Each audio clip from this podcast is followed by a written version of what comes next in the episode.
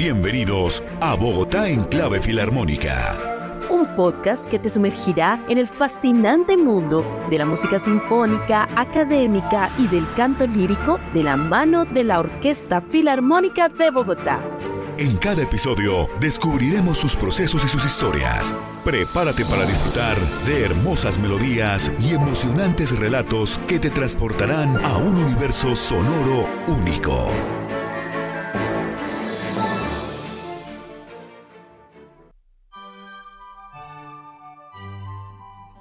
Hola, hola a todos, bienvenidos y bienvenidas a otro episodio de Bogotá en clave filarmónica. Hoy es nuestro séptimo episodio y estamos encantados de tener con nosotros a una figura muy joven y a la vez muy destacada de la escena musical de Bogotá. Se trata del director de la Banda Filarmónica Juvenil de la Orquesta Filarmónica de Bogotá.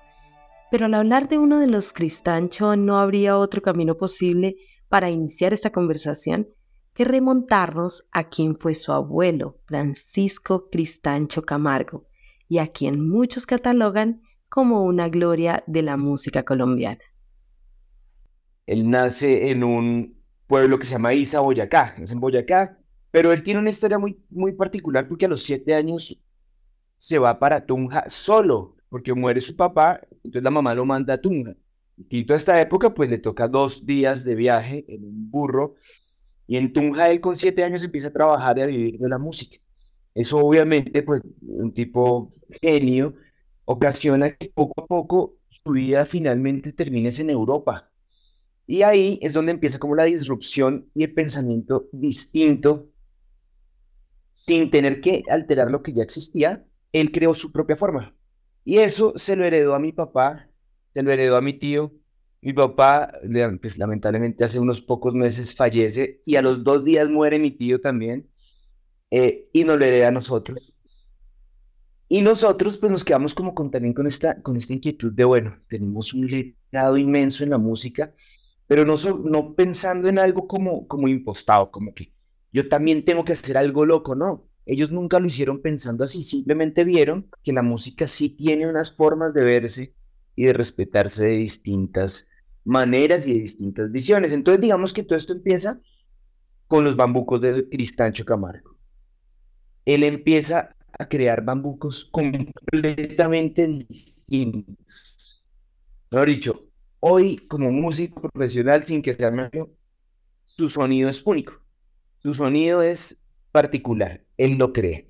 Después, perdón, después viene mi papá y coge estos bambucos, así como para darte un, resumen rápido.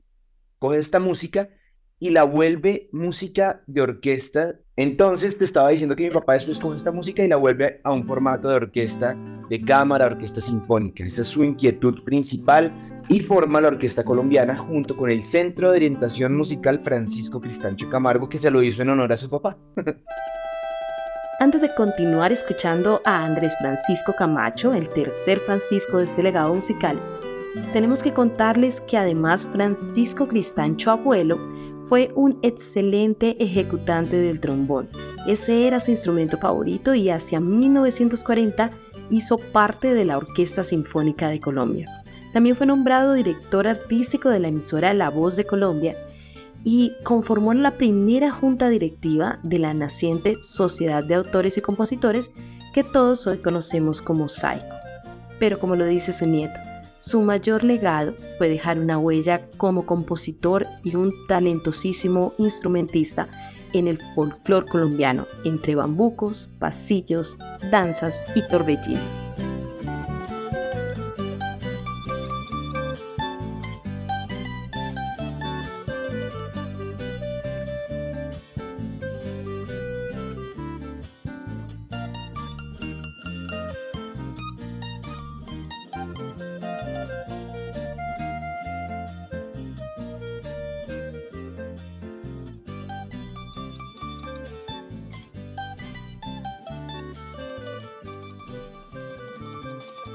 Y ahí entonces, imagínate cómo estábamos desplazados en esa época y aún en algunas universidades pasan cosillas.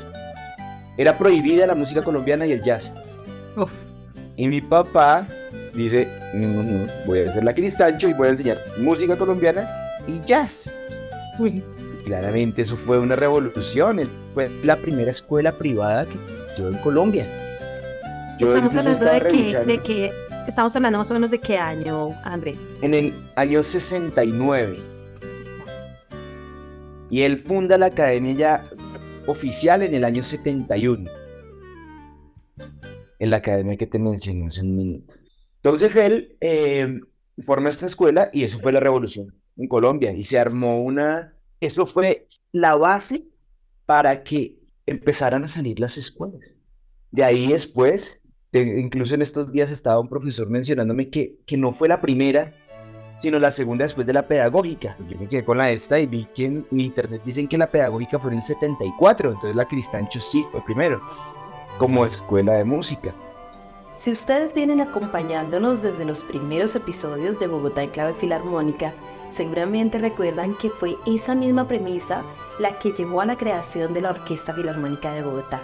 Ese deseo por acercar la música colombiana a una faceta clásica y glamurosa a nuevos públicos, sin distinción social ni académica, y es allí donde llamen ustedes coincidencia, atracción universal o simplemente conexión perfecta, llevaron a coincidir a dos rebeldes, a dos visionarios que llevarían la escena musical bogotana a una nueva era. Y así después empiezan a nivel Colombia a hacerse escuelas privadas de música. Mira, la Cristancho ocasionó ese boom de escuelas. Después empezó la juvenil, pero mucho después. Después empezó la Javeriana, después empezó los Andes, pero muchísimos años después la Cristancho fue aquella academia donde además todo el mundo estudiaba. Entonces todo el mundo que quería estudiar música en Colombia se iba para la Crista. Ahí empieza la disrupción de la educación musical desde una mirada libre. Toca lo que te gusta y vive de hacer eso. Después, pues ya pasa el tiempo. Mi papá se dedica también a sus orquestas, a sus bandas, todo esto. Y ya actualmente, en el 2013, el, el doctor David García lo llama para que le presente una idea para, para crear una banda.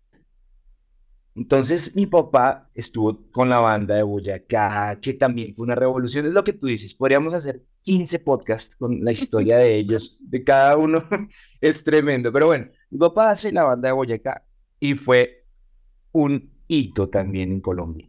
Después funda la banda de Bogotá, Asimismo, la Orquesta Colombiana, la Camerata Cristal Joel, un montón de agrupaciones.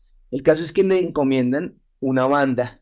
Entonces él decía, bueno, si vamos a hacer una banda, pues no hagamos una banda sinfónica como las que habitualmente existen en Colombia, sino le propuso al doctor que se hiciera una banda más pequeña, más fácil de transportar y que pudiera acercarse mucho a las personas para que sea un gancho también, donde conecte más públicos para que conozcan el sistema filarmónico, que es una, una de las cosas más grandes que han pasado en el país en, en el último siglo. Porque esto fue una revolución impresionante. Mira, fuera de lo que se vea bien o se vea mal, es el espacio más grande que ha habido de oferta laboral para músicos en Colombia. Y lo hace la Filarmónica de Bogotá en cabeza del doctor. Entonces, le encomiendan esto y él, pues feliz, se encarga de su banda, una banda de 30 músicos. Y empieza también esta cuestión de formar a los músicos a partir de tenerle amor a la música nacional, a la música colombiana, viéndola no como un bambuquito, toquemos un bambuquito, ahí como, no, en un momento, el bambuco es es que es igual a una obra a la que te quieras imaginar de cualquier estilo. Esto tiene una forma, tiene un estilo, tiene, tiene un ADN que tienes que aprender. Entonces ahí empieza la formación también y lo que él en su banda, él en su escuela, él en su vida aprendió también de su abuelo y lo que ambos querían transmitir era la música colombiana puesta en un teatro de gala la música colombiana puesta en una acera de gala. La música colombiana puesta en una sala de gala, en donde se haga, que sea aquel momento especial. Eso fue lo que ellos querían poner. Y obviamente mi papá también tenía ese gusto y esa fascinación por la música por el jazz, por el Latin jazz. Entonces siempre se vio muy influenciado por esto y por eso la banda Filarmónica Juvenil llegó a tener en la época que él dirigía, no sé, 200 arreglos, los cuales nos íbamos por todo Bogotá y la gente se conectaba de una forma impresionante. Entonces digamos que hacía a un resumen rápido, esa es como la historia y, el, y, y la razón por la cual la formación musical está inmersa en todo lo que hacen, en todo lo que hicieron y en todo lo que ahorita con mi hermana Eliana hacemos.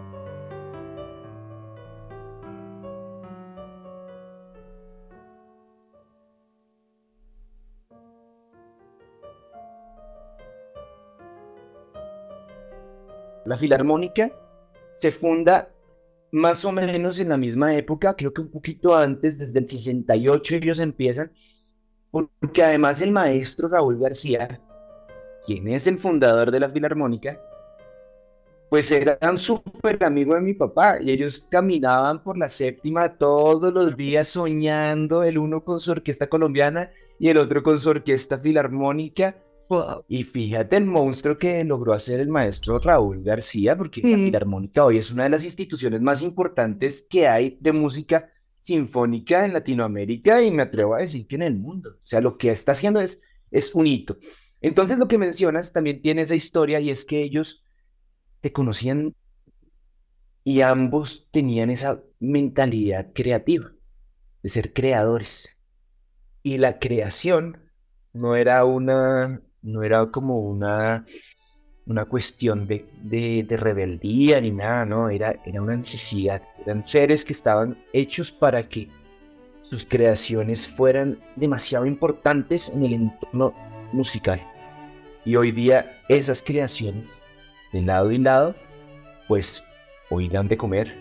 Es grandísimo. Aparte de la música, hoy es, hoy, hoy hacen eso.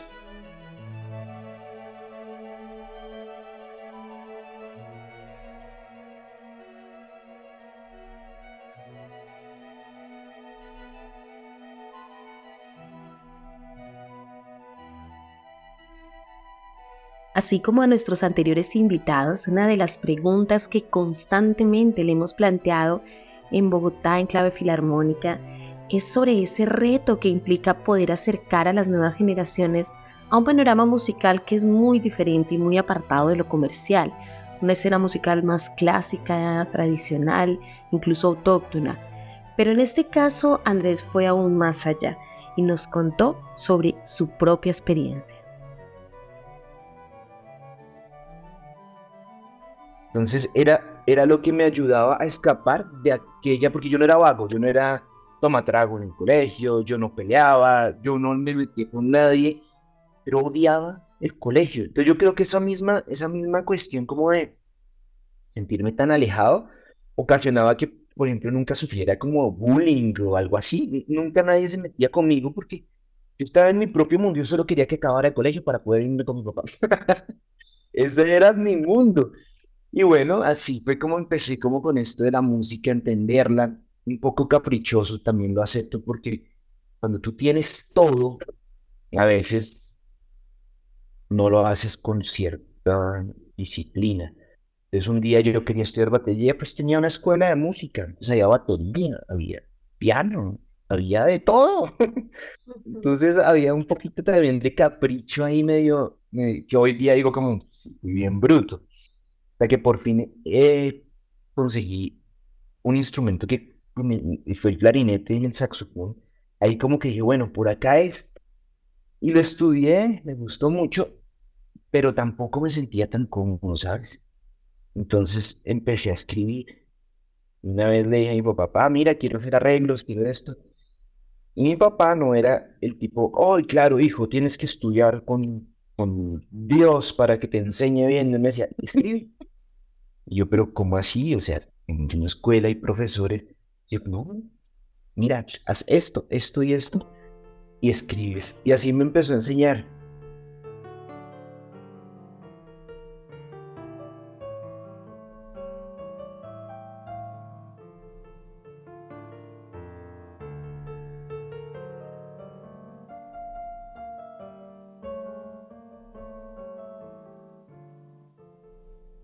Pues de una cuestión de libertad total porque él sí sabía y tenía toda la razón, que es el modelo que hoy nosotros tenemos que ver cómo se empieza a transformar en la educación y es el modelo de la libertad. No el modelo de la estupidez en la libertad. Y entonces cojo y me pego en los cachetes y lo digo, ay, soy un gran artista. No, es una cuestión inteligente, pero desde la libertad. Entonces, eh, él me empezó a enseñar de esa forma a escribir. Entonces me decía, mira, yo llegaba feliz con mi obra y como me daba libertad, mira, pa, hice esto. Entonces miraba, entonces me decía, esto no te va a sonar. Y yo, sí, tiene que sonar la libertad, ¿dónde está? Entonces, decía, pero, ponla, ponla en la orquesta. Y efectivamente se ponía y sonaba horrible. Y ahí yo decía, bueno, llegaba calladito para y qué debo hacer. Estos instrumentos, escribirlos así. Estos otros, escribirlos así. Y me empezó a enseñar su forma de orquestar, su forma de armonía. Ahí ya, claro, tú empiezas a ver la necesidad de consultar libros, de ver otras formas, de analizar lo que los demás hacen de una forma constructiva, porque esa era otra cosa que mi papá enseñaba. Él decía, si vas a hacer un concierto, a sentarte a criticar, vete así, vete a jugar fútbol, pero disfruta, no hagas lo que generalmente algunas personas hacen, no ve y disfrútalo y aprende. Entonces digamos que ahí empecé, empecé, empecé. Y siempre al lado de mi papá. Todos nuestros proyectos fueron juntos. Y, y cuando la banda, yo estaba tocando el saxofón para él, una banda.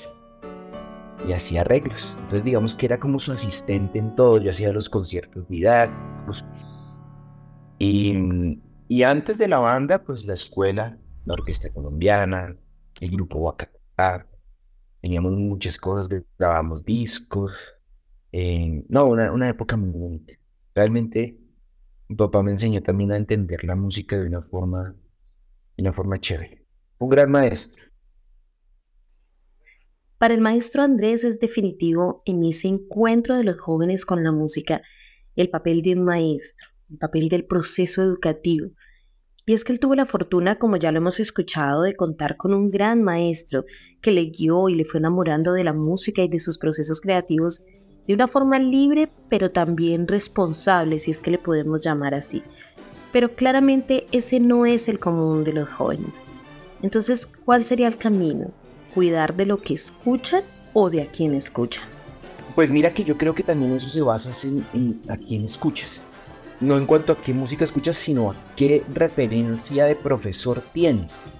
Aquel profesor retrógrado estudió en Moscú, que llega acá como con una cantidad de frustraciones a metérselas y a embutírselas a los estudiantes, o aquel profesor que te dice, oye, súper bien, mira, corrige esto por acá, trabaja esto por acá, me pareció súper chévere esto, porque digamos que esas dos versiones, porque es que son dos, la guía que uno tiene es la guía que te complementa, que te ayuda, o la guía que te frustra y te convierte en uno más así igualito después.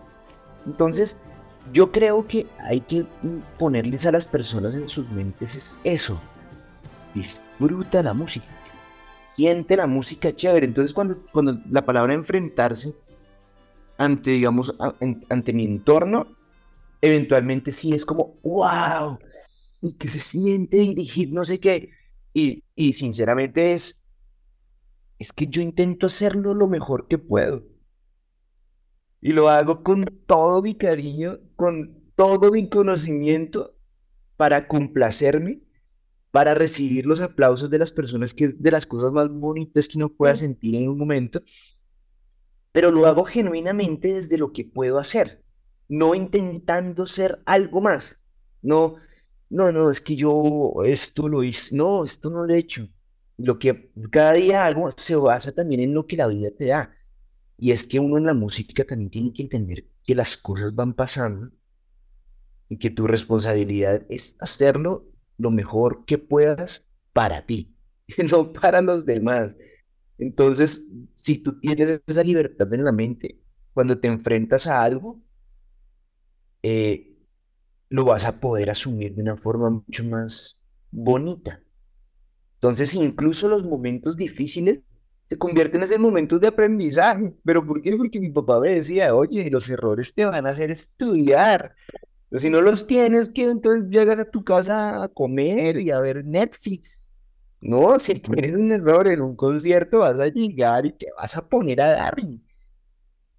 ¿Qué, qué pasa cuando eso no sucede? Cuando tu entorno no, no es así de bonito. El error se juzga y el error se te convierte en, en, lo hiciste mal, ¿cómo es posible? La Entonces la persona indirectamente empieza a generar una ansiedad y un miedo a hacer la música. Entonces te enfrentas ahí sí es a ti mismo. Caramba, volví a hacer algo y otra vez que tal que una embarre porque el subconsciente te ayuda, te, te, gana. Y no está ahí. Es como cuando tú sientes energía mala con alguien.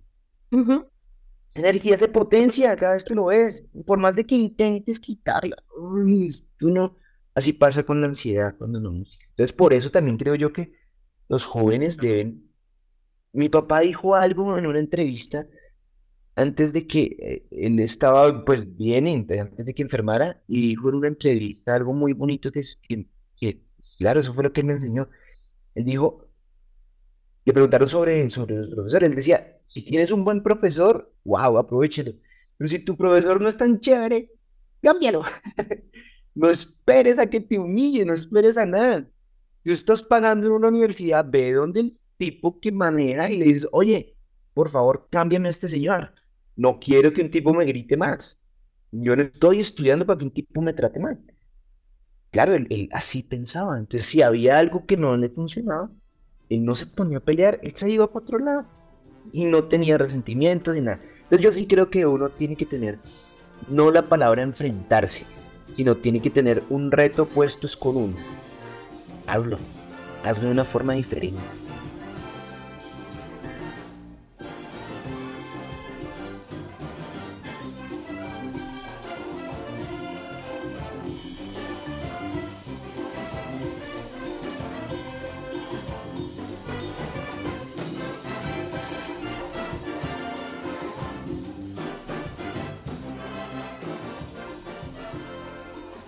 Estábamos escuchando una parte de una interpretación de la Banda Filarmónica Juvenil de Bogotá en una de sus presentaciones al aire libre y cuando ésta se encontraba bajo la dirección del maestro Francisco Cristancho Padre. Este un legado que también dejó a Francisco, quien hoy en día continúa la labor como director. Mira, la banda es una agrupación de vientos.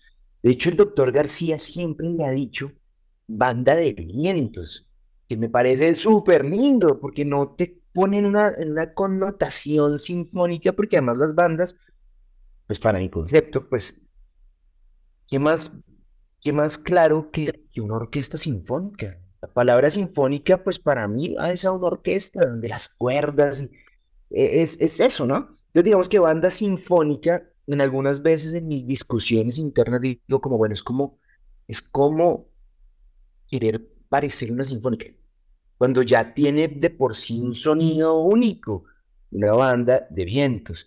De hecho, en muchas partes del mundo lo llaman así, banda de vientos o ensamble de vientos. Entonces la banda es vientos, acompañada de contrabajos y percusión.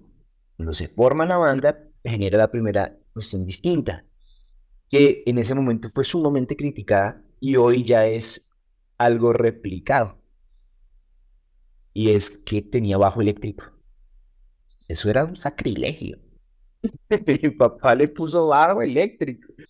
¿Y, y, por qué le puso bajo eléctrico? Pues porque suena. Porque si le pones tres contrabajos o cuatro y estás en la calle al lado de todo ese sonido, pues no van a sonar los contrabajos. Tendrías que ponerle 12 contrabajos para que medio equipare el volumen de ese.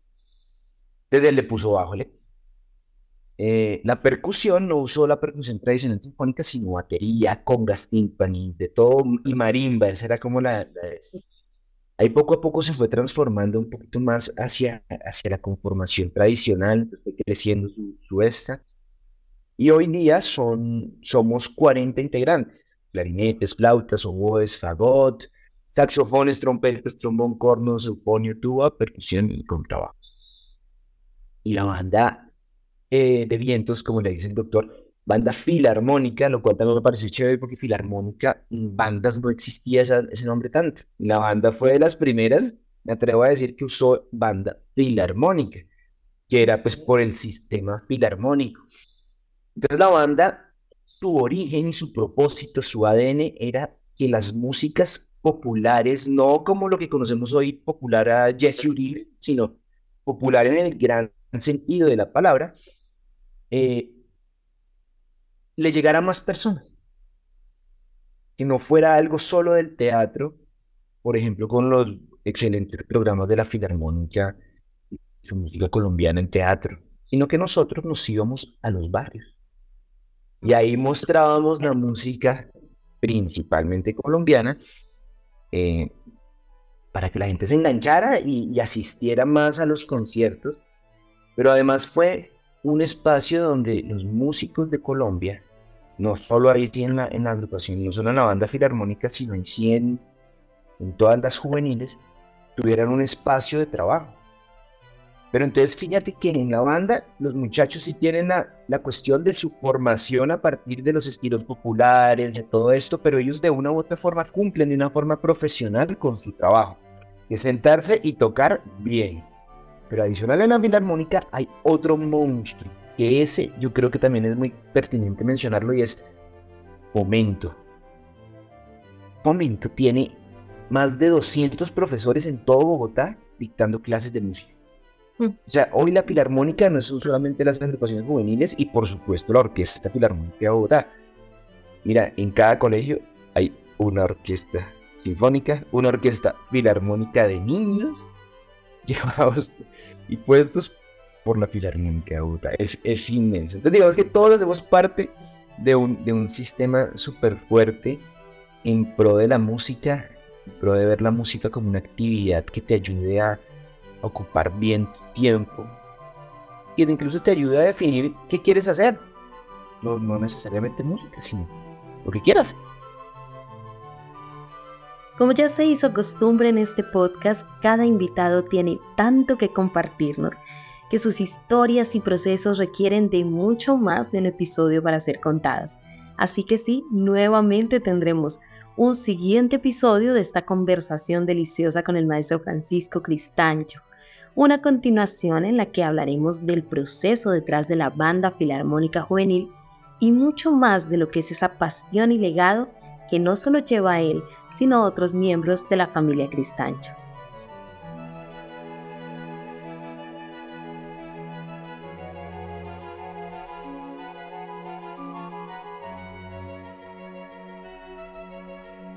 Esto es todo por este episodio, pero ya saben dónde encontrarnos para seguir disfrutando de las voces y sonidos de Bogotá en clave filarmónica.